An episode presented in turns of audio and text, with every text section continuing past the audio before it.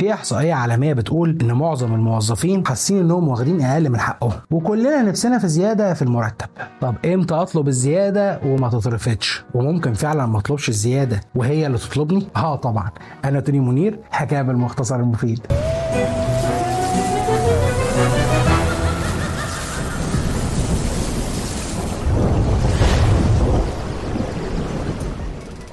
هقول لك النهارده على خمس حاجات تاخد بالك منها وانت بتطلب زيادة في المرتب. ركز معايا. رقم واحد لو انت لسه في الأول وبتعمل interview اوعى اوعى تبين انك ملهوف وحاول تتكلم على إمكانياتك وإيه اللي انت تقدر تقدمه. حاول تبهرهم وتبين نفسك صح.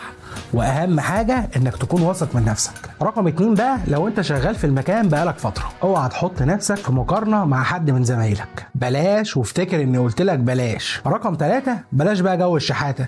جو اللي أنا داخل في جمعية بدورين وعليا أقساط والكلام ده. علشان انت كده مش هتصعب عليهم. انت كده هترخص من نفسك. رقم أربعة اوعى تقول لهم إن جاي لك عرض من شركة تانية لأن ساعتها ممكن فعلا يستغنوا عنك. رقم خمسة لما يجي الوقت المناسب إنك تقعد مع المدير بتاعك وتطلب منه الزياده اتمرن على النقاش. طب إزاي هتتمرن على النقاش؟ تجيب واحد صاحبك وخليه يلعب معاك دور إن هو المدير واتمرن على المناقشة. وتوقع دايما مديرك هيقول لك إيه. وحاول إنك تقدم حجج قوية واتكلم دايما على قدراتك وإنك إزاي قدرت تطور من نفسك وقت قليل. واحد هيجي يقول لي طب إزاي بقى الزيادة هي اللي هتيجي تطلبني يا نجم؟ هقول لك خلي إنجازاتك هي اللي تحكي عنك ودايما طور من نفسك. خليك حريص إنك دايما تطور الجانب الابتكاري عندك وخليك دايما تبهرهم بأفكارك. وأخيرا بقى اسعى إنك تقدم value كويسة للمكان اللي أنت تشتغل فيه وأنت ساعتها هتلاقي إن في مردود كويس عائد عليك. في جوانب كتير غير الجانب المادي. بس كلنا بنحب نركز على ال salary علشان تقريبا عايزين نجيب عربيات. وهي دي كانت الحكاية بالمختصر المفيد.